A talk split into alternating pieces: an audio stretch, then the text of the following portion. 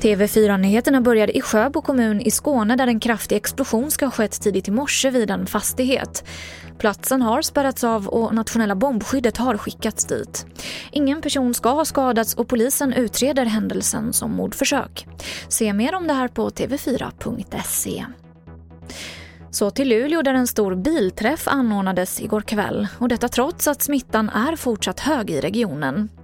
Polisen säger till SVT Norrbotten att uppemot 200 bilar var samlade och det här betyder att uppemot 1000 personer kan ha varit på platsen. Och vi avslutar med en enkätundersökning som Kalla fakta har gjort som visar att mer än var tionde anställd inom vården har drabbats av postcovid med lång sjukfrånvaro. Och nu kräver Vårdförbundet att de ska få arbetsskadeersättning eftersom de flesta drabbade menar att de smittats på jobbet vi går in med en begäran till regeringen och socialförsäkringsministern om arbetsskadeersättningen. Den är viktig, eh, att medlemmarna faktiskt inte förlorar ekonomiskt på att de har satts i frontlinjen.